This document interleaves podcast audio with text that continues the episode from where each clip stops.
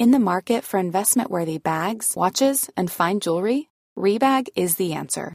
Rebag is a luxury resale platform where each piece is carefully inspected by experts to ensure quality and authenticity. Use Rebag to buy and sell finds from the world's top brands, including Louis Vuitton, Chanel, and Cartier. Head to Rebag.com to get 5% off your first purchase with code REBAGNEW. Shop today at Rebag.com. That's R E B A G.com. And use promo code REBAGNEW for 5% off your first purchase. Hey, it's Ryan Reynolds, and I'm here with Keith, co star of my upcoming film, If, only in theaters, May 17th. Do you want to tell people the big news? All right, I'll do it. Sign up now and you'll get unlimited for $15 a month in six months of Paramount Plus Essential Plan on us. Mintmobile.com slash switch.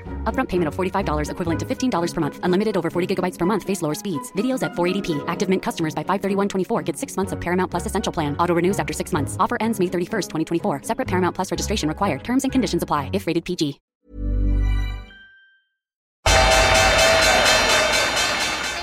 They mistook leverage for genius. Leverage for genius. I would recommend Japan. The governments don't rule the world. Goldman Sachs rules the world. Velkommen til Tid er penger, en podkast med Peter Warren. I dag er det episode 113, og uh, uh, vi har en del eh, tema å ta opp i dag. Um, kan minne på at vi har ei Facebook-gruppe, søker på Tid er penger på Facebook. Vi har et nettsted, tiderpenger.no, der vi har en rekke funksjoner. Og vi har en chat som du også Alle de her tingene kan du se i beskrivelsen under episoden, eller på hjemmesida eller på Facebook. Vi har også et nyhetsbrev som hvis du går på tiderpenger.substack.com, så får du all research knytta til hver episode tilsendt eh, sammen med episoden. Og i dag eh, tenkte jeg at vi skulle starte med en samling litt sånn crazy charts eh, jeg har funnet. Du så denne samlinga. Er du enig i at crazy times makes crazy charts? Ja, definitivt. Det er jo det er en visualisering av, av crazy times. Ja, for vi er jo virkelig altså Vi er jo på, kanskje på tampen av det største økonomiske eksperimentet i historien. Og, um, og vi kan jo bare gå ned nå. Hvis du vil se de her chartene vi snakker om, så uh, gå på tiderpenger.substack.com. det ligger også en link i beskrivelsen. Så, um, så kan du følge de, de samme med mens du hører på. Uh, det første er put call-ratioen i USA. Ti uh, dagers bevegelig gjennomsnitt som er på 0,5 ganger. Eh, og er på det laveste nivået For det er chartet går tilbake til 2017, men jeg tror, hvis jeg husker riktig, laveste nivået siden 2000. Kan du forklare litt signifikansen av det? Ja, altså, det det forteller deg, um, er jo at det er, det er få som, som, kjøper beskyttelse mot, mot nedsiden. Og det er jo typisk at beskyttelse er billigst når um, når markedene er dyrest, altså nå har vi markeder i all time high, og vi har generelt eh, lav arbeidsledighet, i hvert fall i USA, klart fallende. Du har rekordhøye eiendomspriser, du har en inflasjon på vei opp. Og enda, eller, og enda så plutselig så, så, virker det som Altså her er det Det som skjer, er at folk kjøper da kjøpsopsjoner fremfor fremfor, fremfor salgsopsjoner. Så det er lite kjøp av, eh, av salgsopsjoner, og det er jo i seg selv eh, oppsiktsvekkende. Men hvis man ser dette i sammenheng med én ting til, altså den, den såkalte SKU-indeksen altså Det ene er at volatiliteten er lav, men SKU-indeksen, som da viser interessen for å kjøpe salgsopsjoner som er som har innløsningskurs langt under markedet, altså rett og slett sånn katastrofebeskyttelse, så har den aldri vært høyere. Den nådde 170 på fredag. Den har aldri vært i det nivået. Aldri. Så lenge de har hatt denne indeksen, har den vært eh, Og det du kan, eller i hvert fall jeg stusset jo over det til å begynne med, men jeg tror at folk er så redde for å, kjø, for å bruke penger på, på forsikring at istedenfor å kjøpe en forsikring som da, selv om den er, er lavt priset i forhold til hva den var for bare noen uker siden og måneder siden før der, um, selv om å kjøpe den, så er de så så negative, altså jeg har sånn aversjon mot å bruke noe som helst penger på beskyttelse, på, på forsikring, at de vil ha veldig billig forsikring, og da vil de ha f.eks. For en forsikring som som teller hvis markedet faller la oss si mer enn 20 da, eller mer enn 25 et eller annet sted nedi der. For der er det mye kjøping. Så kan det også være en annen faktor her, og det er at det er jo nylig etablert fond, og vi snakket om dette for noen, uh, for noen podkaster siden. Bl.a. Morgan Stanley har et fond som da utsteder kjøps- og salgsopsjoner Uh, det vi kaller out of the money, altså litt under dagens kurs og litt over dagens kurs når det gjelder kjøpsopsjonene uh, sist, og, og, og, salgsopsjonene som jeg nevnte først. Um, som systematisk driver og utsteder disse her for milliarder i, i, i, uken, fordi de gjør dette her ukentlig. Og det kan være at det er det som, som rett og slett dytter premien på disse, på disse, ned, men som sagt, det er noen som vil ha, og jeg skal nevne én, som, som kjøper som kjøper beskyttelse for mellom 50 og 75 millioner dollar i året. Det er En finansinstitusjon gjør det uh, hvert år. Hva er hemmeligheten? Nei, det er Jane Street, som vi snakket om forrige gang, og som vi skal snakke litt ah. mer om i dag. Men Jane Street, det de er redde for, det er nettopp en, en sånn blowout-situasjon. Altså hvor, hvor um, hvor eh, markedene blir totalt illikvide. og Så de kjøper da salgsopsjoner for rett og slett for å kunne beskytte seg mot, mot hvis det blir eh, fordi man tror ikke på at det blir ekstrem, i hvert fall ikke på indeksnivå, ekstreme bevegelser til oppsiden. De har tendens til å skje til, til nedsiden. Og for, å, og for å sikre seg mot at noe sånt skal skje, og hvor markedene blir totalt illikvide og du, du får ikke handlet, så bruker de mye penger i året på, på å kjøpe premie. Nå skal det sies at uh, Jane Street, altså bare, i, bare, for å sette det i sammenheng, så tjente de i altså første halvår i fjor så tjente de 6,3 milliarder dollar på bunnlinjen. Så det, det, er en, det, er en, liten andel av, av, deres totale risiko, men de sitter ikke på bare så det er sagt, De sitter ikke på posisjoner på, på, på, på titalls milliarder dollar, ikke i det hele tatt. Men for en vanlig investor, da, hvordan prosent eh, burde porteføljen din være i, eh, i salgsopsjoner? Nei, det handler jo om altså Du kan si at hvis du er en langsiktig investor, og vi har snakket om dette før, som sparer i aksjer, og du sparer i aksjer med, med, med en lang tidshorisont, dette er, dette er, på en måte pensjonspenger eller, eller hva det måtte være, 10 år, 20 år frem i tid, og du kan leve gjennom Eh, nedganger, sånn som vi hadde i fjor, på, på 30 og, så, og, i 2008 falt vi 65% Hvis du kan leve gjennom det uten at blir uten at det går utover uh, deg verken fysisk eller, eller, psykisk, så trenger du ikke å ha å, å, å bruke penger på, på, forsikring. Det er egentlig det samme som du trenger ikke brannforsikring på huset ditt hvis du har nok penger til å altså hvis du ikke, en, du, stor, du er veldig forsiktig av deg. Og du har penger til å dekke opp hvis, hvis huset skulle brenne ned. Da, så da slipper du å betale brannforsikring på huset ditt hvert, hvert eneste år. Trafikkforsikring er, er noe vi må, alle må ha, så det er en litt annen, annen greie. Så det kommer an på, Men hvis du derimot blir fysisk uvel, eller rett og slett familieøkonomien kan gå over ende ved f.eks. et kursfall som er større enn jeg vet ikke hva, bare for å ta et tall, 20% eller noe sånt noe, så bør du jo seriøst tenke på, du, på, på å beskytte deg.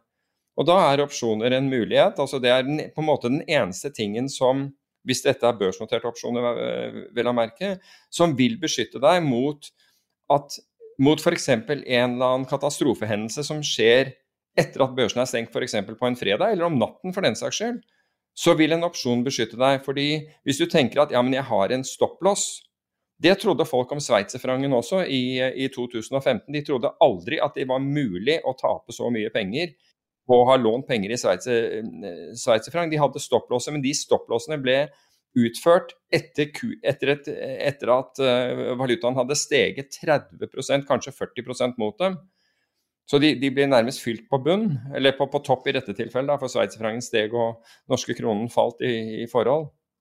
Så man må bare man må sette det i sammenheng med du, altså hvilket behov du har. Så det er, det er, ikke mulig å si at du burde bruke x antall kroner på eller x antall prosent av formuen din. Det må være i forhold til den risikoen du er beredt til å, til å ta. Um, og, og, har du veldig liten toleranse for risiko, da, da, har du to muligheter. Da kan du enten redusere de posisjonene du har, slik at, at eh, et kursfall på, på, X ikke rammer deg så hardt. Eller du kan kjøpe f.eks. salgsopsjoner. Eller diversifisere til, til, til, noe annet, men det er, det er teknisk mer krevende egentlig å, å, diversifisere, for du vet jo ikke om det, det du kjøper i, i, tillegg vil oppføre seg sånn som du trodde. Det vet du ikke. Det er alltid en mulighet at de ikke gjør det. Det er jo en av de vanligste spørsmålene vi får inn via Facebook og chatten. er uh, Siden episode én har det vært mye snakk om VIX-indeksen, altså den her indeksen ja. over, uh, over, nettopp en annen indeks som viser da hvor mye forsikring koster.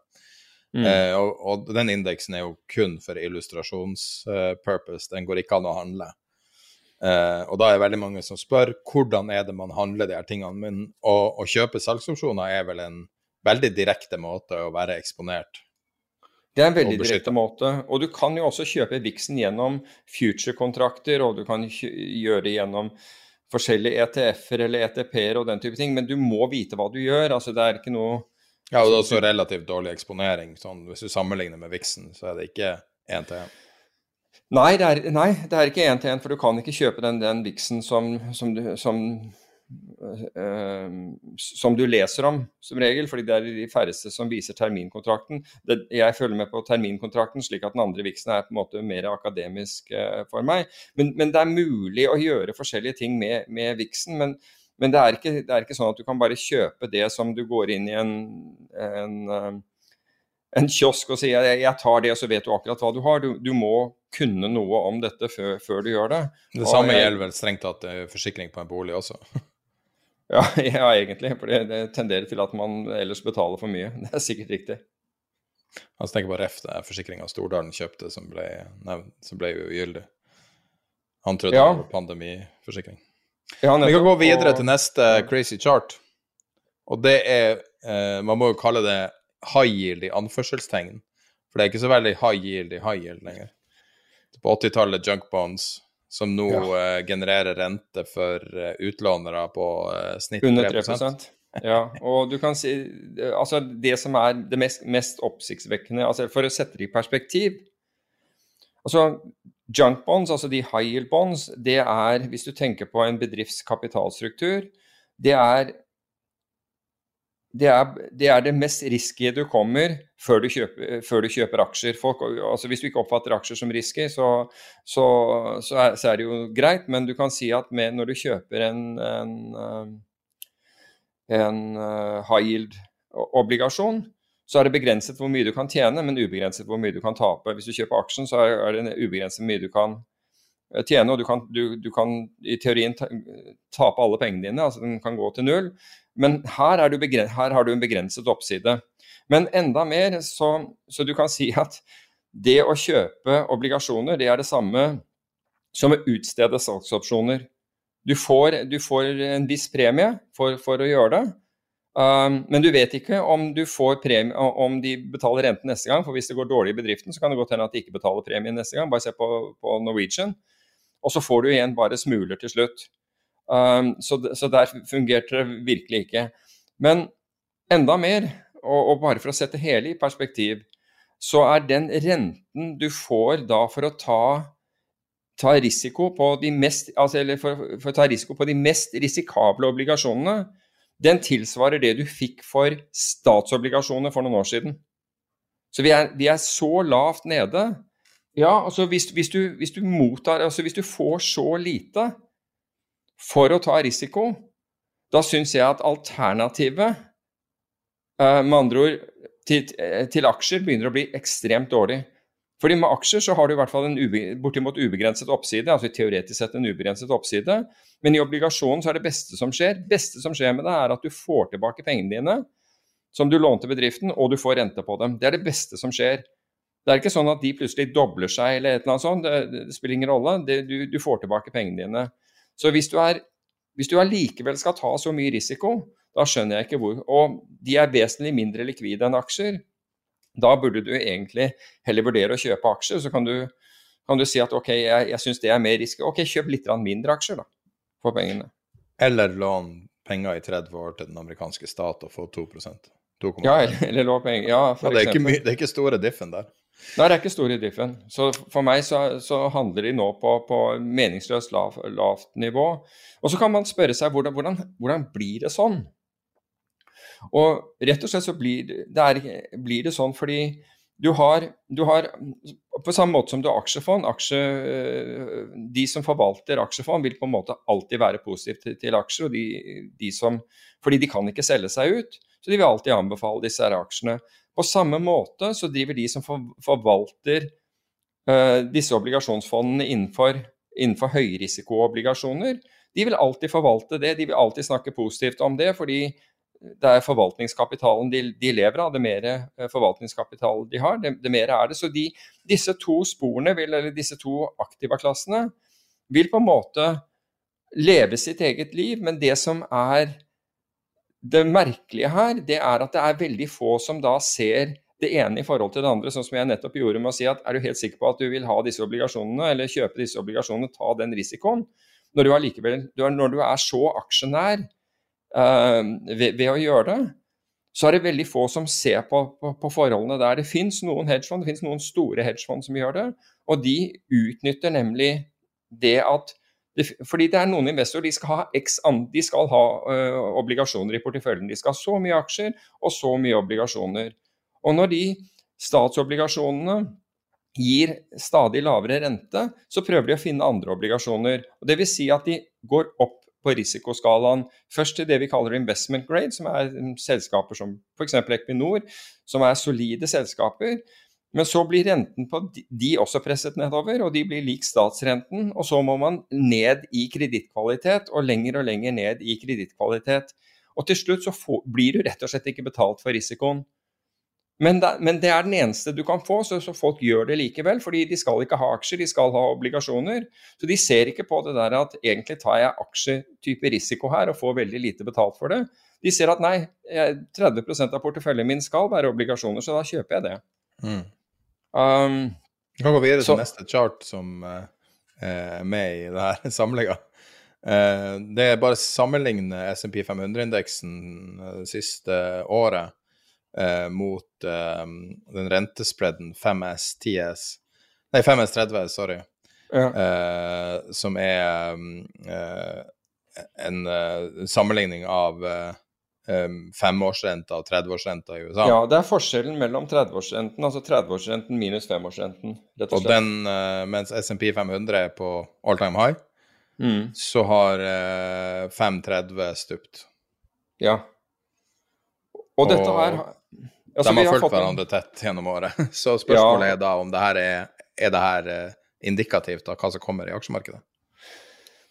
Ja, du tenker på at dette skulle medføre et, et, et fall i, i, aksjemarkedet. Ikke nødvendigvis, fordi i den 530 så ligger jo så, så, er det jo veldig store forventninger til hva renten vil være frem i tid.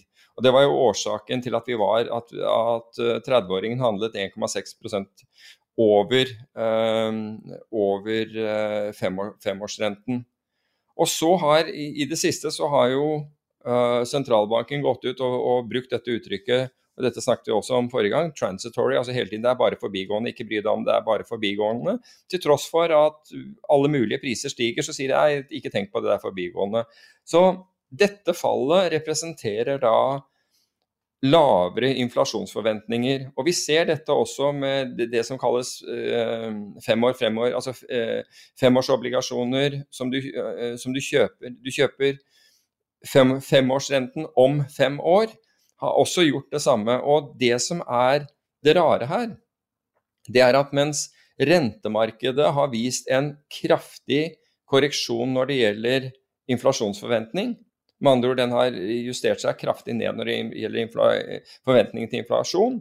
Så har aksjer som nyter godt av Altså som vil tjene penger på, på økende inflasjon, de har fortsatt å stige. Så, er, så der er det blitt en sånn markert uh, forskjell. Og der er, ligger det helt klart an til at, at noen begynner å arbitrere de mulighetene og si at ok, jeg, jeg, eh, jeg, jeg kjøper f.eks. 30-åringen over, over 5-åringen. Eh, jeg kjøper den, den, den, spredden, eller jeg kjøper fem år om fem år, eh. Og så kan jeg shorte aksjene isteden, for dette gapet her, på et eller annet tidspunkt vil det lukkes. Men dette er de mer profesjonelle traderne, og det er ikke så mange virkelig profesjonelle tradere der ute lenger. Fordi bankene driver veldig lite med den type trading. Så det er, det er, ja, det er mer en håndfull hedgefond, men, men, det, men, de er i hvert fall i mindretall. Men det gir i hvert fall muligheter, og spesielt når du har to Altså du har rentemarkedet og aksjemarkedet plutselig sier vesentlig forskjellige ting. Så er det jo en grunn til at man i hvert fall tenker over de premissene. At, at hvilken av disse her har rett? Er inflasjonen bare for, forbigående? Er det noe, virkelig noe tegn til det, annet enn at det tyter ut av, eh, av uh, sentralbanksjefer? At, det, at, dette, uh, at, den er forbigående, eller viser tegn i, økonomien til at dette begynner faktisk å gå ut av, ut av kontroll?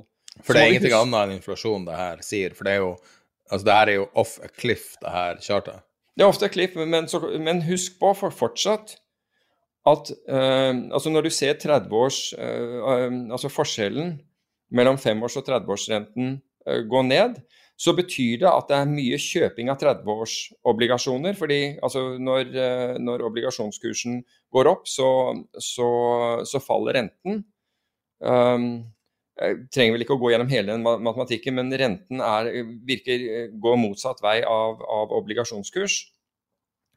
Slik at Sentralbanken kjøper jo tross alt fortsatt for 80 milliarder dollar i, i måneden i, i, amerikanske statsobligasjoner, og så kjøper de for 40 milliarder dollar i måneden i boliglånsobligasjoner.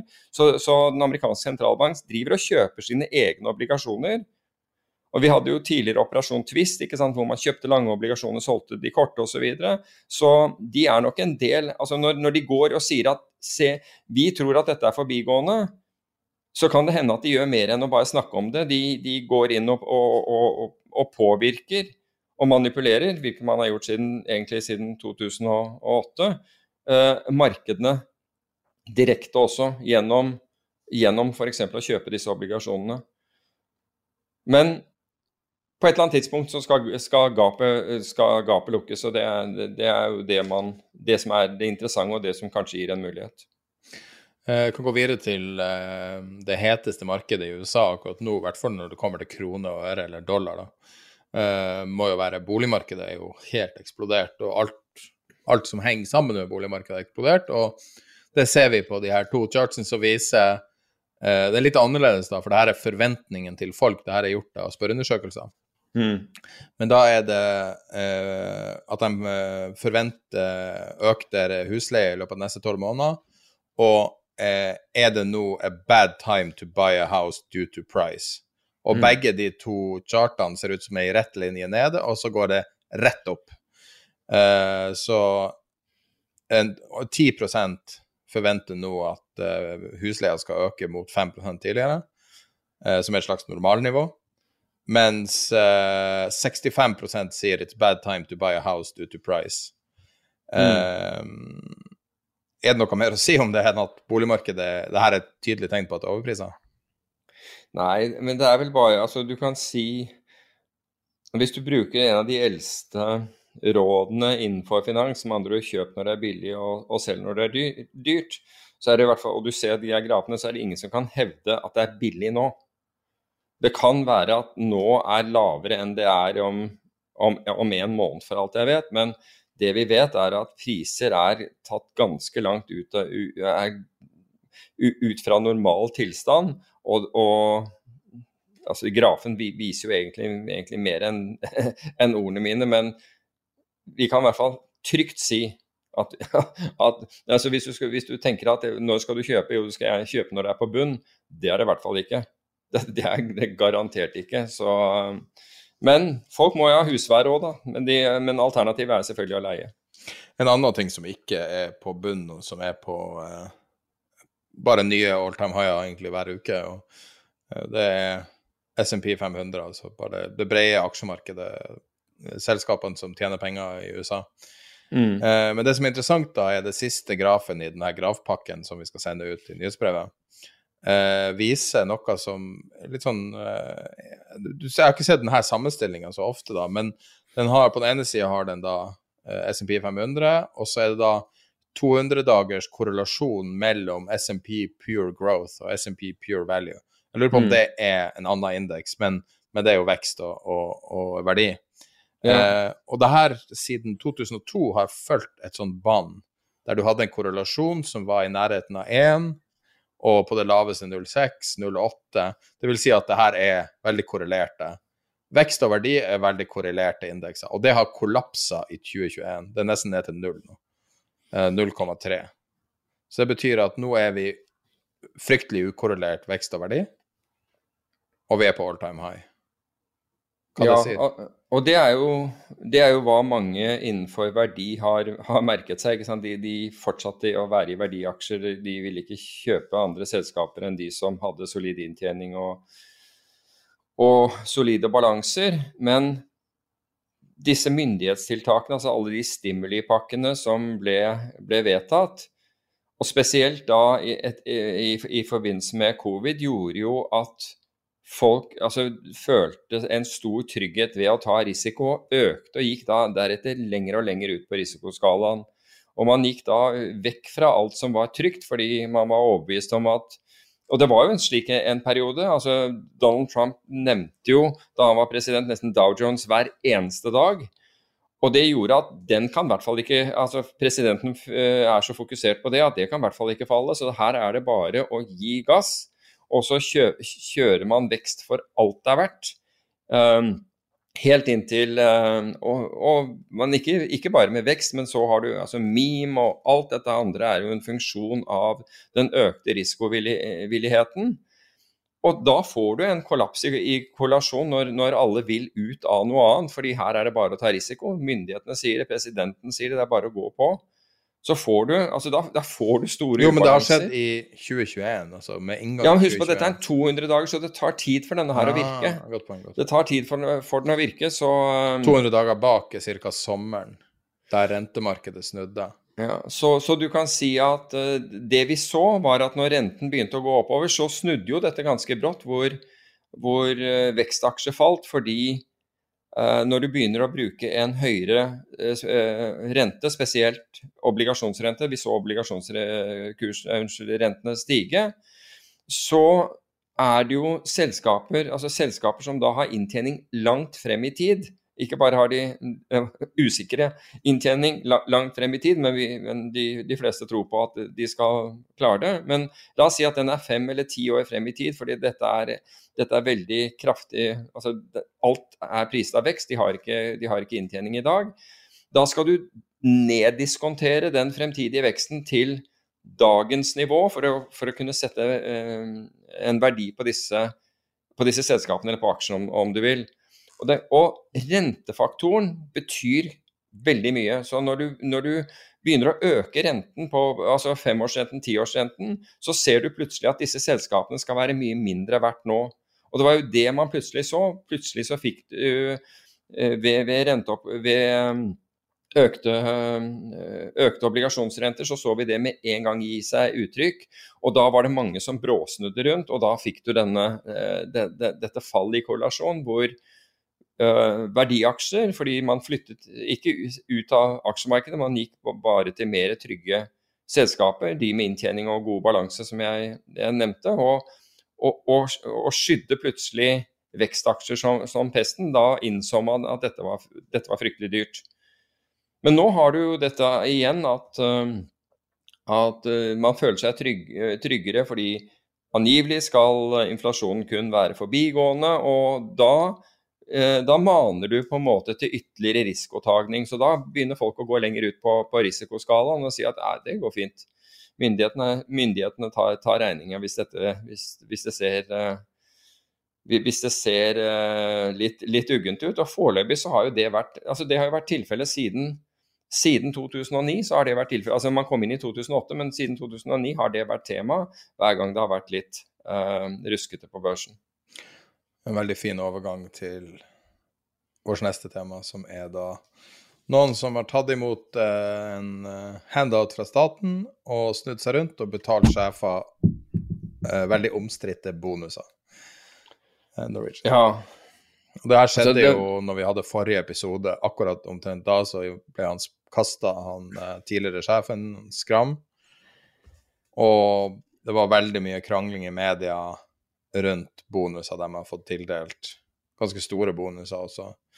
Um, og Norwegian prøvde da å argumentere at han eh, finansdirektøren fortjente bonusen, mens han Skram, som er kasta, fortjente det ikke.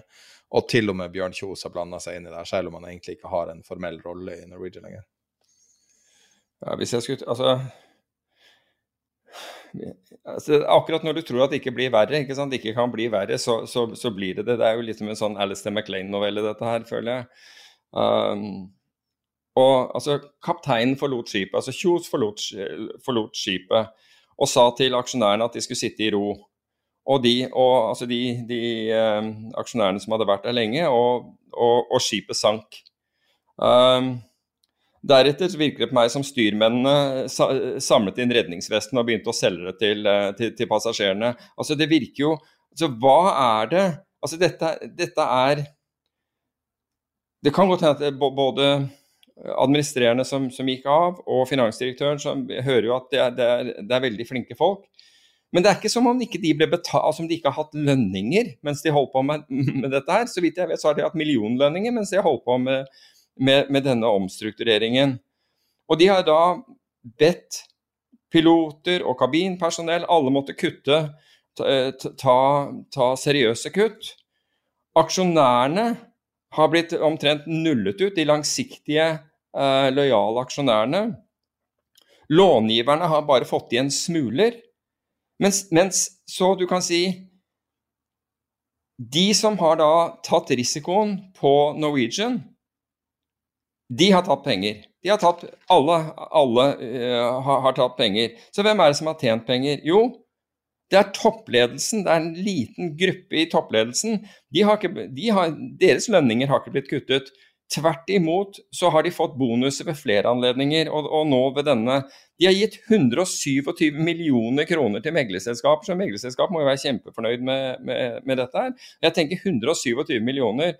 Kunne man ikke ha, ha skåret ned det beløpet? Hadde, hadde du gått til de meglerselskapene og sagt vet du hva gutter, dere får kun 80 millioner for denne jobben, hadde de sagt æ død, det, kan du, det, det gidder vi ikke. Vi gidder ikke å stå opp om morgenen for det.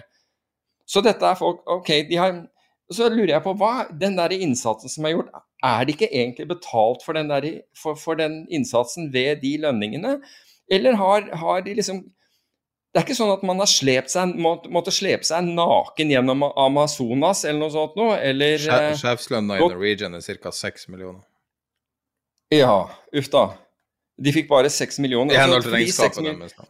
Altså, hvis, hvis, du ikke da ga disse bonusene i tilfelle, så, så hva, hva ville han ene hadde ikke, altså Skram hadde ikke jobbet på halvannet år før han ble, ifølge Eva Grinde i Dagens Næringsliv, før, um, før han ble ansatt i, i, Norwegian.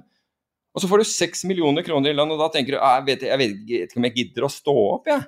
For seks millioner, jeg, jeg, trenger en bonus, jeg, ellers, så, ellers, så, gjør jeg ikke noe innsats her.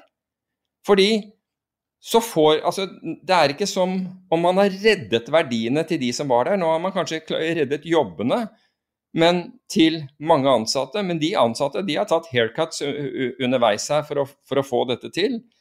Jeg synes det er jeg, altså Det er andre som har brukt dette med umusikalsk, men altså hva er, hvor, hva er disse 11 millionene? De får, de får, i tillegg kjøpe aksjer til rabatterte priser. Jeg har ikke noe problem med den hjørnesteinsgruppen som ble, satt, eh, som ble etablert for um, å redde selskapet. Det er nye, friske penger som kom inn. Men disse gutta fikk jo også da kjøpe aksjer til, til, til uh, sterkt rabattert. Så hvis du brukte de 11 millioner kronene på å kjøpe aksjer så Du kan si vil du ha 11 millioner kroner utbetalt nå, eller vil du kjøpe sterkt rabatterte aksjer hvor noen av Norges mest solide investorer, som er fire ganger overtegnet, eh, og, og, og, du har de Norges mest solide investorer med deg på laget. Hvilken velger du? Skal vi se, nå må jeg tenke meg om. Skal vi se, Hvis du bruker kursen som var på fredag, så skulle de 11 millionene, 626 mot litt over 11 kroner, da ble de nesten 20 millioner kroner. Skal vi se Vil jeg, vil jeg kjøpe aksjer som jeg ikke har noe risiko på da, eller altså, hvor, hvor er, skal dette her ende hen? Også, men altså, for meg så er jeg, jeg, jeg Men du hadde en ganske bra oppsummering rett før vi starta opptaket, om hva Norwegian representerer nå? Jeg husker ikke hva jeg sa da, jeg, men jeg var Om kapitalisme? Ja, altså det er det verste av kapitalisme. Jeg syns det er liksom det verste av kapitalisme. Jeg har ingen problemer som sagt med den hjørnesteinsgruppen. Overhodet ikke, for de har gått inn og risikert. Men absolutt alle andre har tapt, bortsett fra toppledelsen. Som da, ikke, som da holder ikke med at man får seks millioner kroner. Her må vi jaggu sørge for at de får noen noe bonuser også. Og selvfølgelig kjøpe aksjer til sterkt rabatterte priser istedenfor at man fikk f.eks. kjøpe At man fikk opsjoner på å kjøpe aksjer til 50% over kursen eller 100% over kursen, slik at noe, noe, positivt måtte skje i selskapet før man, før man fikk noe. Her får, her får, du i rabatt som om det neste som skjer, er en konkurs, jo. Altså, det er, det er, jeg, fatter ikke, jeg, jeg, fatter ikke dette her, jeg. Og nå er jo denne i, i, altså, hvordan, hvordan tror du staten ser på dette? Altså Staten som da har stilt opp med penger, ser på, uh, på, dette her. Tror du de kommer til å stå i første linje etterpå for å si ja, klart vi skal inn med nye penger hvis det, det trengs? fordi vi, vi, så jo at det satte dere ordentlig pris på forrige gang. Og jeg så da at, og nå er det jo blitt politisk spill også. Før nå, nå skal man jo undersøke om dette ble vedtatt innenfor denne, innenfor denne perioden hvor de ikke kunne utbetale seg selv eh, bonus. Men selv før de gjør det, så har jo uh, Arbeiderpartiets talsmann for indignasjon kommet ut og sagt at dette er, det, dette er den nåværende regjerings feil og har gjort mye gærent. Altså før, hvem, er, før du, hvem er det? Hva da? Støre? Som, som, sa det? Nei. Ja. Frem, nei, ministeren for indignasjon, det er jo Haja Tadik. Ja. Ikke sant? Altså, hun ruller jo med øynene og, og rister på hodet så, så, fort det er et eller annet sånt. Så hun går ut da og gir regjeringen skylden før man, man, har funnet ut om dette her stemmer eller ikke. Det er ganske godt gjort også, men det er jo valgkamp det òg, tenker jeg. Men jeg bare tenker på hvordan ser Altså hvordan bedømmer utenforstående det som skjer? Syns man at dette her er greit? Tydeligvis ikke, for det har kommet nok, nok av kommentarer bredt eh, politisk um, og fra andre at dette her ikke er greit. Men det er jo ikke greit. Altså, det kan komme redningsaksjoner og, og, og, i, i, fremtiden, og det vil det helt sikkert gjøre. Muligens ikke med Norwegian, men andre kommer jo nå til å få, få, det tøffere. Rett og slett fordi man ser Altså, du tenker jo ikke at penger vil bli brukt på denne måten. Verken emisjonspenger eller, eller andre. Altså, betal for suksess, det syns jeg er helt greit. Altså, hvis du har en dundrende suksess her, eller at du har satt du, du risikerte livet ditt for, for, for, for, aksjonærene. Det hadde jo også vært hyggelig, men det var ikke som om noen av disse her gutta gikk inn i Raqqa ubevæpnet og hentet ut en, en, en familie i nød. Her, er, her, hadde de seks millioner kroner satt trygt inn i, i, Norge, og, og, spørsmålet var og hadde en jobb å, å, å gå til. Så jeg, jeg skjønner Denne her, denne er beyond me. Dette kan jeg drive med lenge, altså, så jeg, det er best vi kutter det. Det en ting som jeg merka meg, er at uh, Norwegian har vært utrolig aktiv i å spre historien om sin tidligere sjef. Så det burde jo være litt noe av den neste sjefen burde få med seg, da, hvordan de behandler sjefen på veien ut, og, og virkelig prøve å halshugge han. Hmm. Ja, det er mulig at, uh, at, det er noe der, og det aner jeg ikke. Men uh, jeg, har bare, bare sett prinsippene av dette her og tenker at dette her Altså alt, alt, det dårlige du har hørt om kapitalisme, blir, blir plutselig oppsummert her. Så, eh, jeg, så jeg har full forståelse for at, eh, at, at folk blir ordentlig oppgitt over dette. Ja, nei Jeg, jeg syns det er litt rart at de ble redda av staten opprinnelig, men eh, man trenger vel kanskje flyselskap i et langstrakt land? Jeg vet ikke. Ja, nå har du jo, nå har du alternativ også. Mm.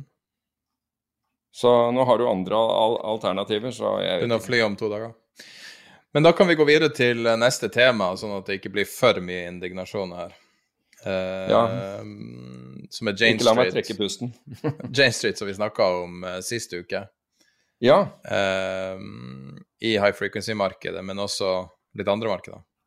Ja, altså det, det som var interessant med, med, Jane Street Og jeg så, en, jeg så en tweet av Robin Wigglesworth i um, i Financial Times, og jeg trodde han akkurat hadde skrevet om Jane Street da, men da viste jeg at han hadde skrevet om det tidligere år, jeg tror det var helt på begynnelsen av året, om, om dette selskapet som, som, få kjente til. Men, men, Jane Street er noe ganske sånn fascinerende uh, For de aller fleste tror jeg ikke har hørt om, om, Jane Street, fordi du må på en måte være litt interessert i, uh, i uh, den innerste delen av finans, altså market maker, high frequency osv. delen av det. Men Jane Street, altså de omsatte i fjor for 17 milliarder dollar. Um, 3,9 milliarder dollar i ETF-er. Uh, de omsatte aksjer for 9 billioner dollar. Um, de har 1400 ansatte, de er marketmakere i 2600 instrumenter, hvorav 560 så er de den ledende marketmakeren. Men det som er interessant altså det, med, med, med Jane Street, det er at de er ikke utelukkende uh, high frequency. De har, de har, algoritmisk handel, men de har også traders, og de sier selv at de er, uh, at de er et uh, traderdrevet selskap. De er helt flat struktur, de har ikke en administrerende direktør. Det er han som grunnla det, som på en måte er, er, far i huset, om du vil, men, men, er, men som sagt veldig flat uh, flat struktur. Og det er interessant, og, og, og holding-tiden, altså mens den for high frequency i trading dreier seg om sekunder, eller under det, altså mikrosekunder, opp til kanskje noen få minutter. Det er blitt litt lengre et, etter hvert. altså opp til noen, Før så var, jo, var, man jo ikke i nærheten av å holde noe i et minutt. Så kan disse ha, ha posisjoner i, i, i, en uke. Og etter finanskrisen så gikk faktisk altså Charles Swab, som du sikkert kjenner, altså dette uh, aksjemeglerselskapet, ut Nordnet og berømmet i USA. Hva sier du? Nordnett i USA. Ja, det kan det være. Um, litt større, vil jeg tro, men, uh, men allikevel. Um, men de gikk faktisk ut og berømmet Jane Street for den jobben de gjorde med å skape, altså med, med, å, ska, med, med å, stille med kjøper- og, og, og selgerkurser, også i vanskelige altså i mindre likvide, likvide aksjer. Tenker, og de har, altså Jane Street har, har, kontorer i New York, Amsterdam, London og Hongkong. Så de er, det er, ikke, det er ikke, Selv om de er ganske ukjente, så, så er de en stor faktor i, i, markedet. Og det er måte, det er jo helt riktig som Financial Times også påpekte, det er ikke noen du vanligvis uh, hører noe om. Og jeg tror jeg nevnte det i sted. De, hadde, de, de tjente 6,3 milliarder i første halvår i, i fjor. Så, så, noe riktig må de, eh, må de gjøre. Så, og det er vesentlig bestående av, av unge, fremadstående mennesker med, med, enten trading eller teknologibakgrunn. Jeg syns i hvert fall at de er eh, fascinerende og verdt å, som sagt, verdt å ta med litt om dem. Skal jeg gjette, bare skyte ut i lufta og gjette hvorfor Schwab uh, praiser Jane Street? Ja, tenker du at det Fordi at Jane, er en av Jane Street er en av de største kjøperne av eh, ordreflyt. Ja, men du kan si at uh, Og største de... selgeren er Schwab. Ja, Schwab og, og, og, en rekke andre. Og, men du kan si at du får ikke berømmelse hvis du ikke, hvis du ikke stiller opp. Altså, det var nok av de som, de som forsvant når, når kursene begynte å, å, svinge. Og um, vi skal komme inn på det, dette med likviditet fordi der er nå om litt. fordi der er det også en studie som nylig som er gjort, som, som, er ganske interessant. og Det er ikke da bare påstander om at markedene er mindre likvide. Nå er det gjort en ordentlig studie på det. Du kan jo egentlig bare fortelle om det, kan du ikke? Jo, det kan jeg godt gjøre. Vi kan gå, godt gå til den der eh, til eh, studien. Fordi i denne studien så har de sett på det vi kaller volatilitetshopp. Og de definerer volatilitetshopp eller sjokk som at VIX-indeksen, som du var inne på i sted, den som måler da uh, volatilitet, altså måler opsjonsvolatilitet, på daglig basis er opp fem poeng eller mer. Og i perioden 94 til 2007 så hadde, så hadde, man ni tilfeller hvor dette skjedde. Altså frem til finanskrisen så hadde man ni tilfeller, altså ni dager hvor Vixen hoppet mer enn fem poeng. Og i perioden etter finanskrisen, altså når finanskrisen var ferdig, så det, dette var de første 13 årene, så hadde du da eh, så hadde du da ni slike hopp. I årene etter, og dette er årene hvor, hvor sentralbanker har vært inne og, og dempet svingninger i markedet, så har faktisk VIX-indeksen hatt 62 på de, altså de neste tolv årene så har VIX-indeksen hatt, hatt 62 tilfeller hvor den har svingt mer enn en, en, en, fem poeng på en dag. Altså hvor det har hoppet mer enn fem poeng på en dag. Og Det er ganske oppsiktsvekkende at, at slik kan skje.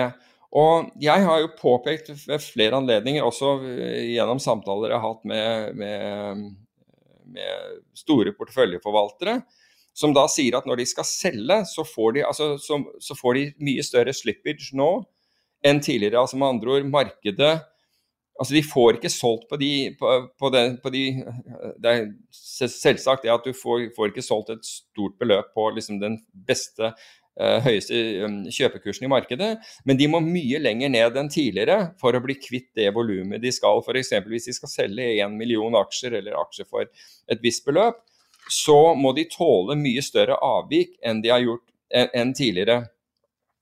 Og så har jeg blitt møtt med, med argumenter fra flere som sier ja, men volumene er så høye at det, det skjønner de ikke noe av, for volumene er rekordhøye osv. Men volumene, vi må huske på at største delen av dette volumet er marketmakere som kjøper og selger til hverandre på mikro- og, og mikrosekundbasis. Altså det, eller i hvert fall på under et, et, et, et sekund, millisekund og, og, og sekunder. Så det, det, er ikke volum som du reelt sett kan handle til.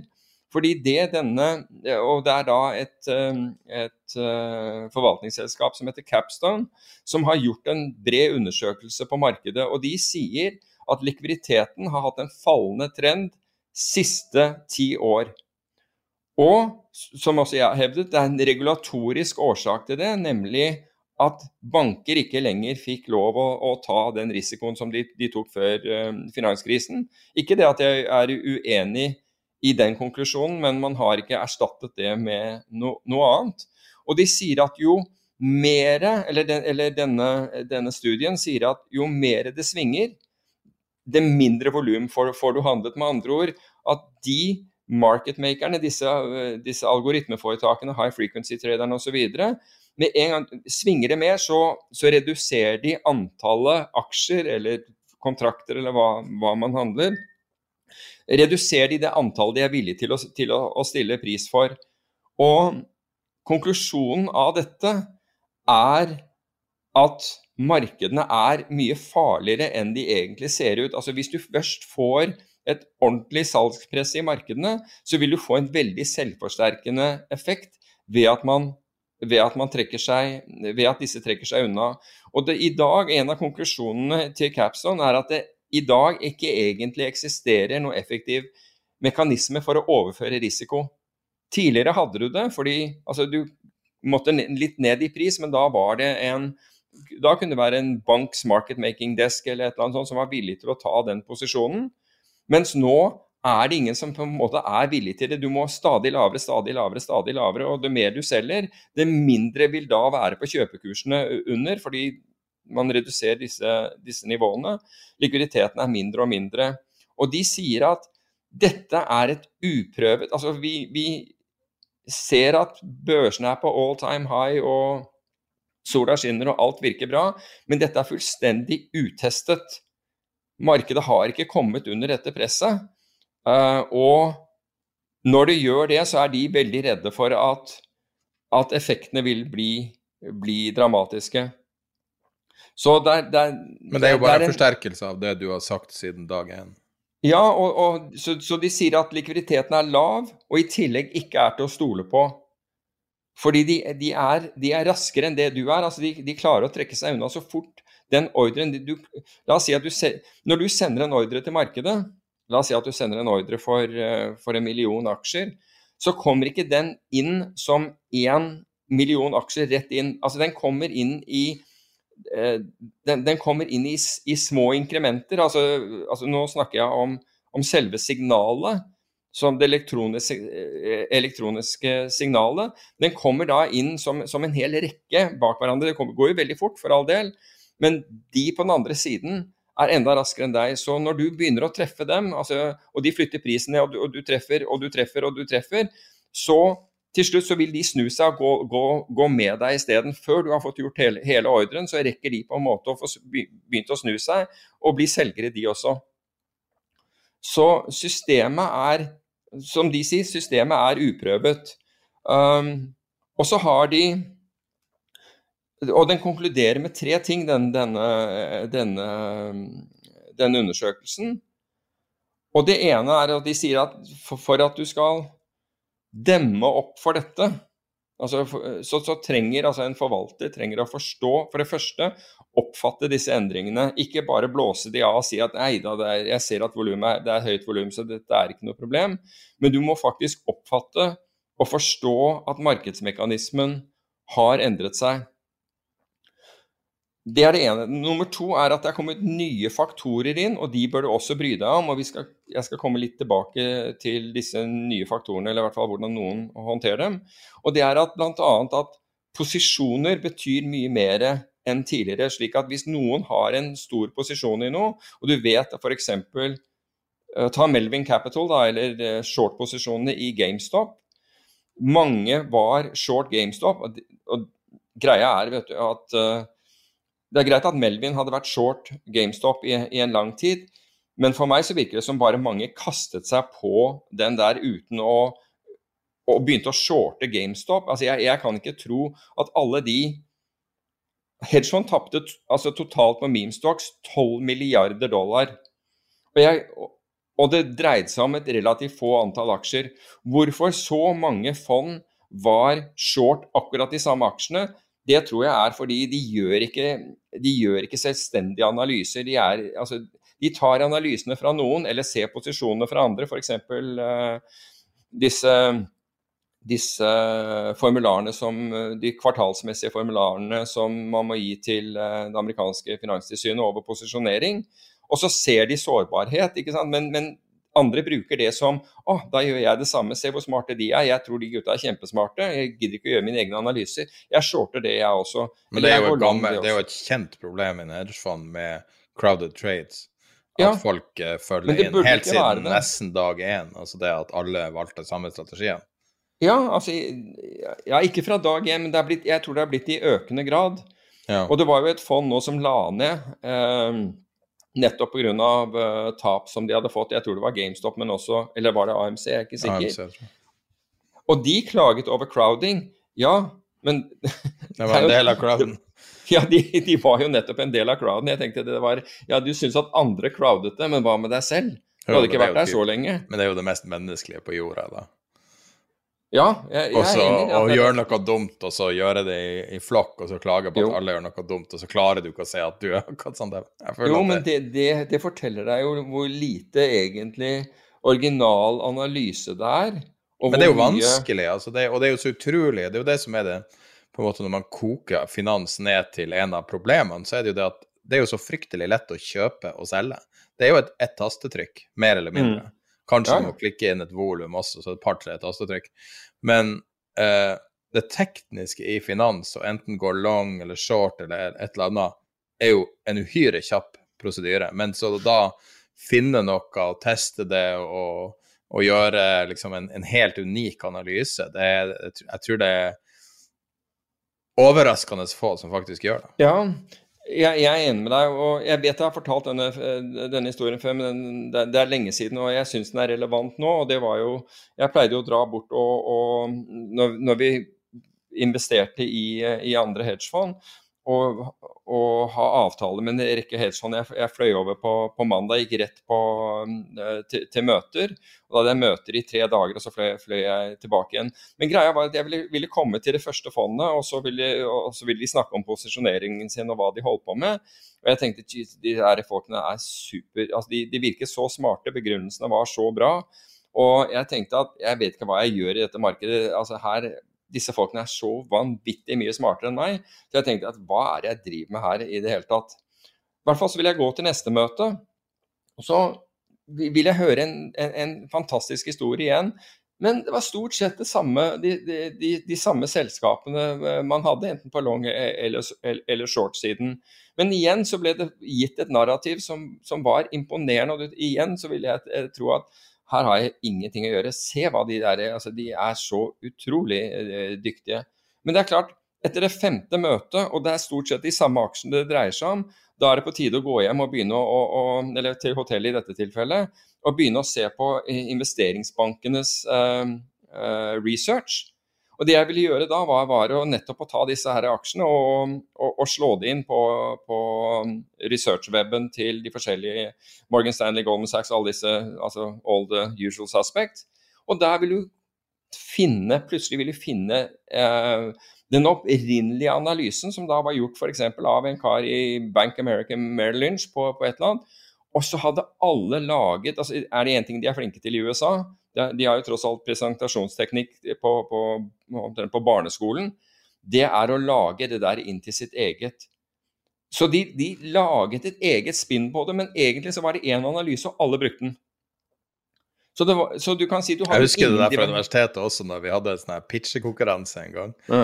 Og så, så, var det noen som fløy inn fra USA for å være med uh, på den greia der.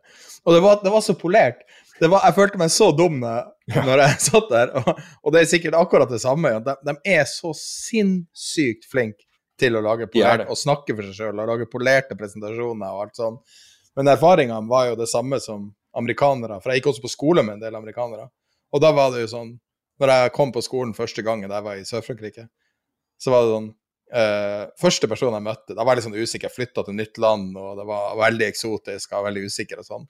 Og så møtte jeg første personen på universitetet noen dager før start, og så sa de Hey, how are you? Så tenkte jeg hm, How are you? Jeg, jeg, begynte, jeg, begynte, liksom å skulle forklare at det var litt sånn komplisert emosjonelt å begynne på skolen og alt mulig.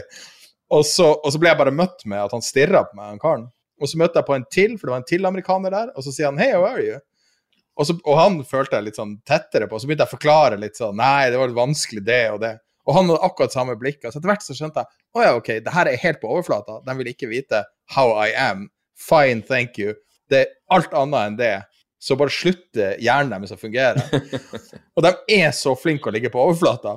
Og, og men jeg mener ikke det som en kritikk, altså, men, men, det du beskriver, liksom Du møter det her i alle mulige arenaer, tror jeg.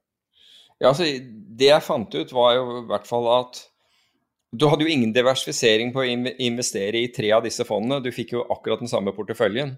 Men de hadde gitt en sånn spil at hvis du ikke virkelig satte deg ned og tenkte over at altså De brukte jo helt forskjellige ord, ikke sant? men det, det konkluderte med akkurat det samme. Så, så, ble du liksom blown away av, av eh, narrativet. Og så har du da folk som vi snakket om forrige gang, sånn som Paul Singer og Boaz Weinstein og, og, og disse her, som er virkelig eh, Bill Ackman f.eks., som er originale, og som har egne meninger om, om, det de driver med, og som på en måte fortjener, eh, for, fortjener oppmerksomheten din. Men det er så mange lookalikes der ute at, at det er vanskelig å komme igjennom. Um, jeg, har et, jeg, har et, boktips som jeg kom på. Jeg begynte å lese på den gamle boka til David Einhorn. Har du lest den? Hva heter den? 'Fooling Some People All of the Time'. Uh, ja, men det er, det er, mange år siden. Ja, uh, syv, tror jeg. Men det jeg likte uh -huh. med den, var at um, Jeg har ikke kommet så veldig langt, men det jeg likte med den, er at den er veldig sånn matter of factly. Mange sånne typer bøker snakker mye om familie og ditt Masse sånn, sånn det minst interessante med en, en hedgefondforvalter, for å være helt ærlig. Jeg driter i alt, mm. alt personlig. Fortell meg hvordan du tenker, liksom. Og, og, det er det han bryter ned ganske bra. Så eh, et boktips den er også på Audible. Så hvis du går på leselisten på tidepenger.no og klikker på linken der, så får du ei gratis bok, og jeg anbefaler at den boka burde være 'Fooling Some of the People All of the Time'. Ja, la meg mens du er på Audible bare nevne, fordi jeg, jeg sa at jeg leste Kahnemans 'Noise', uh, og kom med en tilbakemelding på, på den. Og, og, den tilbakemeldingen er ikke ta den på lydbok. Fordi han henviser så mye til til, til, grafer og andre ting som er på PDF. At hvis du ikke sitter med det foran deg, da kan du like godt sitte med boken. Jeg tror Audible har en funksjon der du får gratis uh, tilgang til uh, e-boka. Uh, ja, det er, det er, mulig, og men da kan du, du må... skippe fra lydbok til e-bok og tilbake. Og, og det har jeg gjort uh, eller to ganger. Ok, Men poenget mitt er at hvis du liksom liker den, det formatet og er ute og går tur, så blir du dødsfrustrert ja, det, over det. Og det, det, boken eh, kan være bra i seg selv, men det gjør at den, den for, meg, for, min del blir irriterende. Ja, fotnoter bare... egner seg ikke i lydbok. Nei, de gjør ikke det. Når jeg stadig viser til et eller annet punkt på en grafe som, som, som ikke jeg ser, så hjelper det ikke. Um, jeg vil bare påpeke at den første halvtimen av denne podkasten var akkurat det du beskriver nå, der vi beskriver grafer. Men det er derfor vi har laga nyhetsbrevet. Ja. Tiderpenger.substag.com. Men uh, Nei, jeg bare, jeg bare, kom på at den boka Jeg, jeg likte den godt, uh, men jeg hadde ikke tid til å fullføre den, så jeg tenkte jeg skulle bare si at det var en god bok. Skal jeg bare gå tilbake til de der punktene til Capstone, for de hadde tre. Vi var på nummer to, altså hvor de snakket om disse nye faktorene som spilte en rolle, og da var posisjoner. Men sentiment var også mye viktigere, mente de, og de tekniske faktorene. De så at tekniske faktorer, og det vet jeg ikke helt hva de, om det er brudd på 200 dagers gjennomsnitt, eller om det er støttenivåer man, man snakker om, eller eller hva det måtte være. Men de sa teknisk, de, eh, etter deres oppfatning så var tekniske nivåer nå mye viktigere i, de, i denne mindre likvide situasjonen markedene var, um, enn en ellers. Og så hadde de helt til slutt, altså så uh, så hadde de uh, uh, Hva heter det altså Forslag til hvordan man skal kunne håndtere situasjonen. Uh, og, og, det var egentlig to. Uh, at du har to muligheter. Enten at du, at du, at du gjorde hedging, uh, eller, at hadde, eller at du hadde høyere kontantnivå enn en, en du normalt ville ha. Fordi enten var du av den typen som ville bruke nettopp illikviditet, altså med andre ord store kursbevegelser til nedsiden, til kjøp, og det er greit. Ellers så var det jo den typen som ikke kunne tåle disse, disse, disse, bevegelsene. Så hvis du skulle bruke det til kjøp, så måtte du ha høyere kontantnivåer enn, enn du ellers hadde, altså mer cash tilgjengelig. Og hvis du var av, av den typen som uh, ikke, ikke, tålte uh, illikvide eller uh, plutselig fall som følge av illikviditet, så, så burde du ha, ha hedger inne. Og I den forbindelse så har så, vi, vi snakket jo om AKO, altså fondet som eh, Nicolai Tangen eh, grunnla, og som han da måtte forlate når han ble, eh, ble sjef for, for, for, oljefondet. Men det, i AKO så har de jo delt opp altså er, De driver jo med long short-forvaltning, i, i, i, hvert fall i de fleste av fondene. Så er det to forskjellige forvaltere. altså er, Du har en long-forvalter og en short-forvalter. Eh, så short-forvalteren forsøker da å finne selskaper som er overpriset, og long-forvalteren forsøker å finne selskaper som, eh, som, er underpriset. Men å bruke samme person på det, mente jeg, eh, slik jeg har forstått det, det, det ble nesten en form for dissonans. Det var vanskelig å bruke samme person til å finne både long- og, og short-siden. Men jeg har også tenkt på det der at Og det, dette anbefaler vel også Capstone, det der at det fins at e at du har en egen forvalter som gjør, gjør hedger, som har ansvaret for hedgingen. En egen person som gjør det. Fordi ellers, Jeg kan også se dissonansen. Hvis du er superpositiv til, til en eller annen aksje, eller et eller annet sånt, så er det vanskelig å tenke at du noen gang kommer til å trenge en hedge på, på porteføljen. Men de mener, og det har jeg sett andre mene også, og jeg mener det for så vidt selv også, at hedging er et eget fag. Det å kunne gjøre det effektivt. Um, og med så liten kostnad uh, som mulig, det er i seg selv et eget fag. Du nevnte dette med Du har, du har Vixen, men du har termstrukturen uh, på Vixen, du har en rekke opsjoner. Mye du skal ta hensyn til, bl.a. SKU og andre ting. og Er det den mest effektive måten å hedge på? Eller skal man hedge sånn som jeg foreslo for en tid tilbake? At, du, at uh, high yield er mer overpriset enn en aksjemarkedet, slik at bruke put-opsjon på, på, high yield, som da betalte altså det, Kostnaden for en put-opsjon på, på, på, high yield på at the money var den samme som en, så, som en put-opsjon på en out of the money put-opsjon på SMP 500 som var 50% under. Så hvis du utstedte en salgsopsjon på SMP 500 50 lavere enn hvor kursen er nå, så betalte det for en at the money put i, uh, på high yield-indeksen. Sånne, sånne type ting. Mm. At, det et, at, det er rett og slett blitt et eget fag. Så, så det var egentlig den, den rapporten i, fra, fra, Capstone. Jeg vet ikke hva det er. Det er noen som driver med arbeid et eller annet sted, tror jeg. Jeg er redd. Jeg kan prøve å få Å ja, nei, det hørtes ut som Jeg trodde det var musikk. Å ja, nei. Det er kanskje musikk i dine ører, men hos meg så høres det ut som et, sag, et sagblad som går gjennom et eller annet. Det høres litt ut som tror det høres litt ut som Slipknot. Ja. Se om jeg kan bli kvitt den. nei, nei, nei, nei, la det være. Nei, jeg kanskje det var Eh, for det er litt sånn fin bakgrunnsmusikk å ha til neste tema, som er Michael Saylor. Ja, fortell.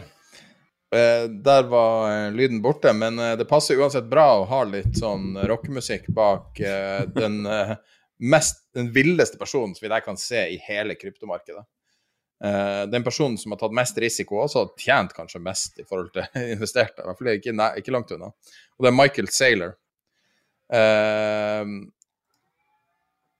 Før 2020, i fjor sommer, så tror jeg nesten ikke han hadde fått omtale siden 2000. Og det var jo litt i negativ forstand. Men eh, han drev et IT-selskap da, driver et IT-selskap nå, og, eh, som heter MicroStrategy. Eh, som hadde i fjor sommer cash, altså de hadde cash-positiv business og hadde en halv milliard dollar i cash. Og han da eh, Jeg kan jo si at 20 år før det så ble han dømt eh, av amerikanske finanstilsynet for å ha forleda investorer siden dag én. De var et børsdelt selskap. Han måtte betale tilbake 8 millioner dollar, eh, som var mye da. Og eh, fikk en bot på noen hundre tusen dollar. Og, ja. eh, men han fikk lov å fortsette på et eller annet mirakuløst vis, for selv om han hadde holdt på å villede investorer i to år. I hvert fall. Så eh, 11. august i år, nei, i fjor, så eh, annonserte han at de hadde brukt 250 millioner dollar av de her 500 millionene til å kjøpe 21 000 bitcoin, og hadde betalt 11 000 dollar per stykke. Eh, og mer eller mindre med hver, eh, med hvert, med hver bevegelse framover, så kjøpte han mer. Og han eh, begynte etter hvert å belåne. Eh, og, og gjorde alle tenkelige og utenkelige triks for å maksimere eksponeringa til bitcoin i veien opp til bitcoin. Og eh, nå den siste annonseringa eh, som han kom ut med på sin Twitter-konto, eller eh, siste jeg så i hvert fall, da hadde de 105 085 bitcoin, og hadde gjennomsnittspris da Den hadde steget nå til 37 000 dollar. Så han er, han er ned i snitt. Um, han har begynt å utstede gjeld for å kjøpe det her, og uh, er vel nå i en prosess med å selge en obligasjon på 1 milliarder dollar. Eh, han har en konvertibel, han har et vanlig, uh, vanlig Skal vi se, han har uh, usikra gjeld Det er så mye her, da, men uh, han har to usikra obligasjoner på 1,7 milliarder dollar. Og så har han en sikra på en halv milliard. Og alt har gått i bitcoin. Og tilsynelatende ser det ut som han kommer til å fortsette å kjøpe bitcoin. Og så var det en blogger, jeg skal legge linken med i uh, nyhetsbrevet som går ut etter podkasten. Um, og, og der vi Du kan lese hele storyen, for det er helt utrolig når du leser det. Det er nesten som en Det burde ha vært skrevet bok om bare denne korte perioden. Og, han, og, og markedet priser deres bitcoin 71 000 dollar, som er da ca. dobbelt av den siste markedsprisen til bitcoin. Og nå følger kursen, bitcoin-kursen mer eller mindre. Altså de er blitt et Selv om de har en software-business i bunnen og, og er cash-positive i driften, så er det så godt som 100% drevet av bitcoin nå.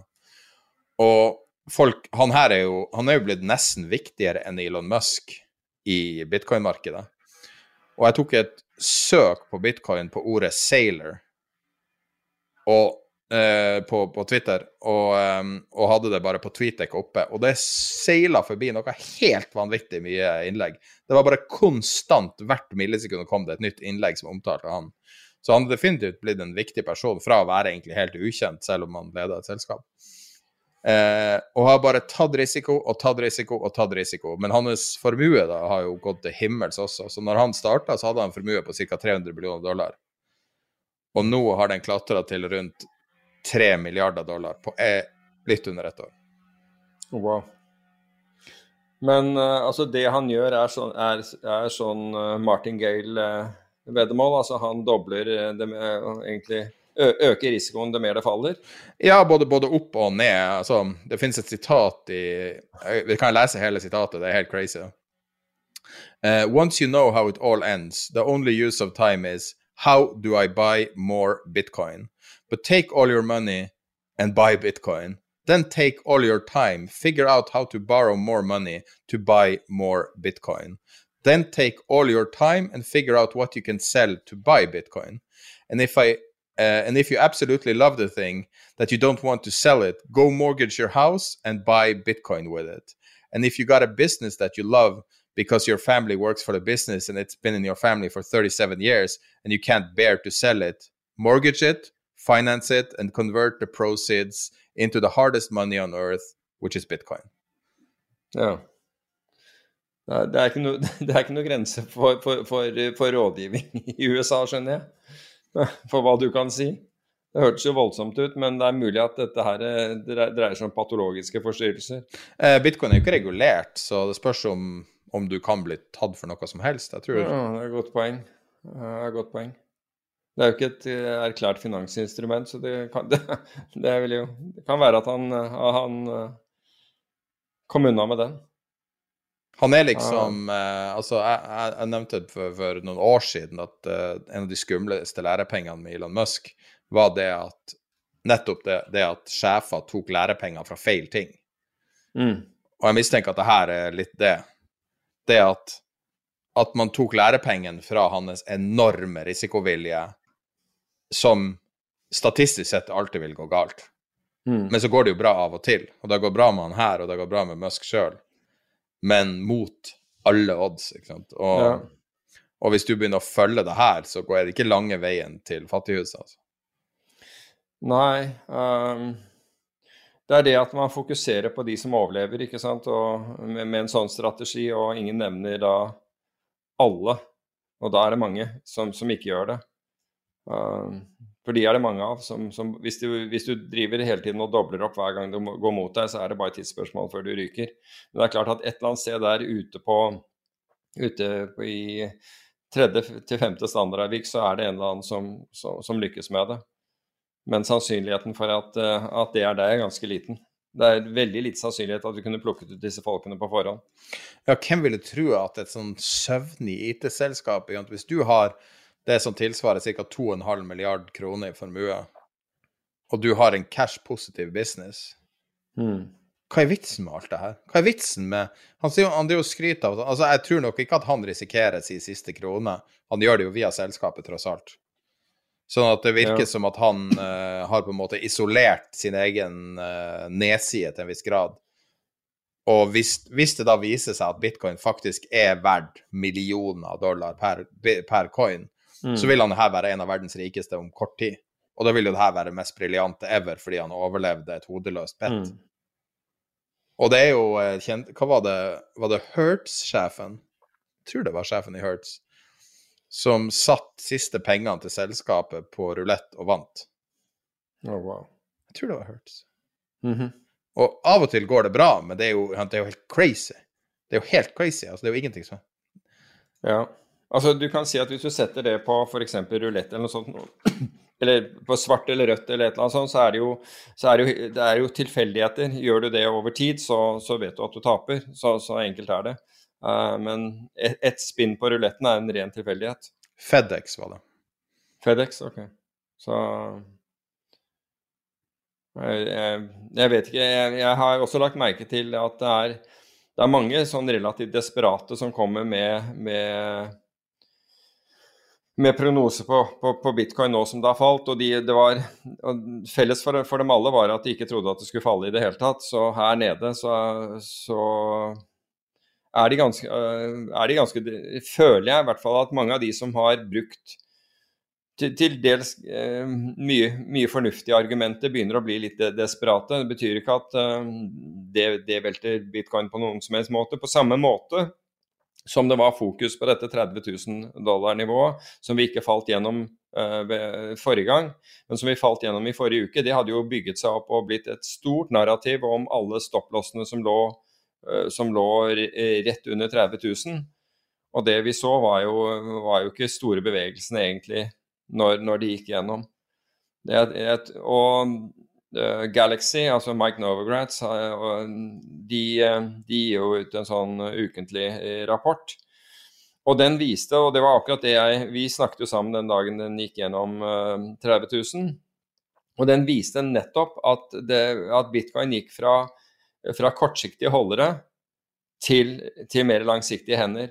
Og da, det ble av, av, eh, av eh, institusjoner kjøpt 121 000 bitcoin, tror jeg, i det den falt gjennom 30 000. Så det var Det lå store kjøpere klare der, og det ble solgt av fra, fra folk som hadde hatt bitcoin i veldig kort tid, og som bortimot alle hadde tap, eller alle hadde nok det, så var, ble det solgt 97 000 bitcoin.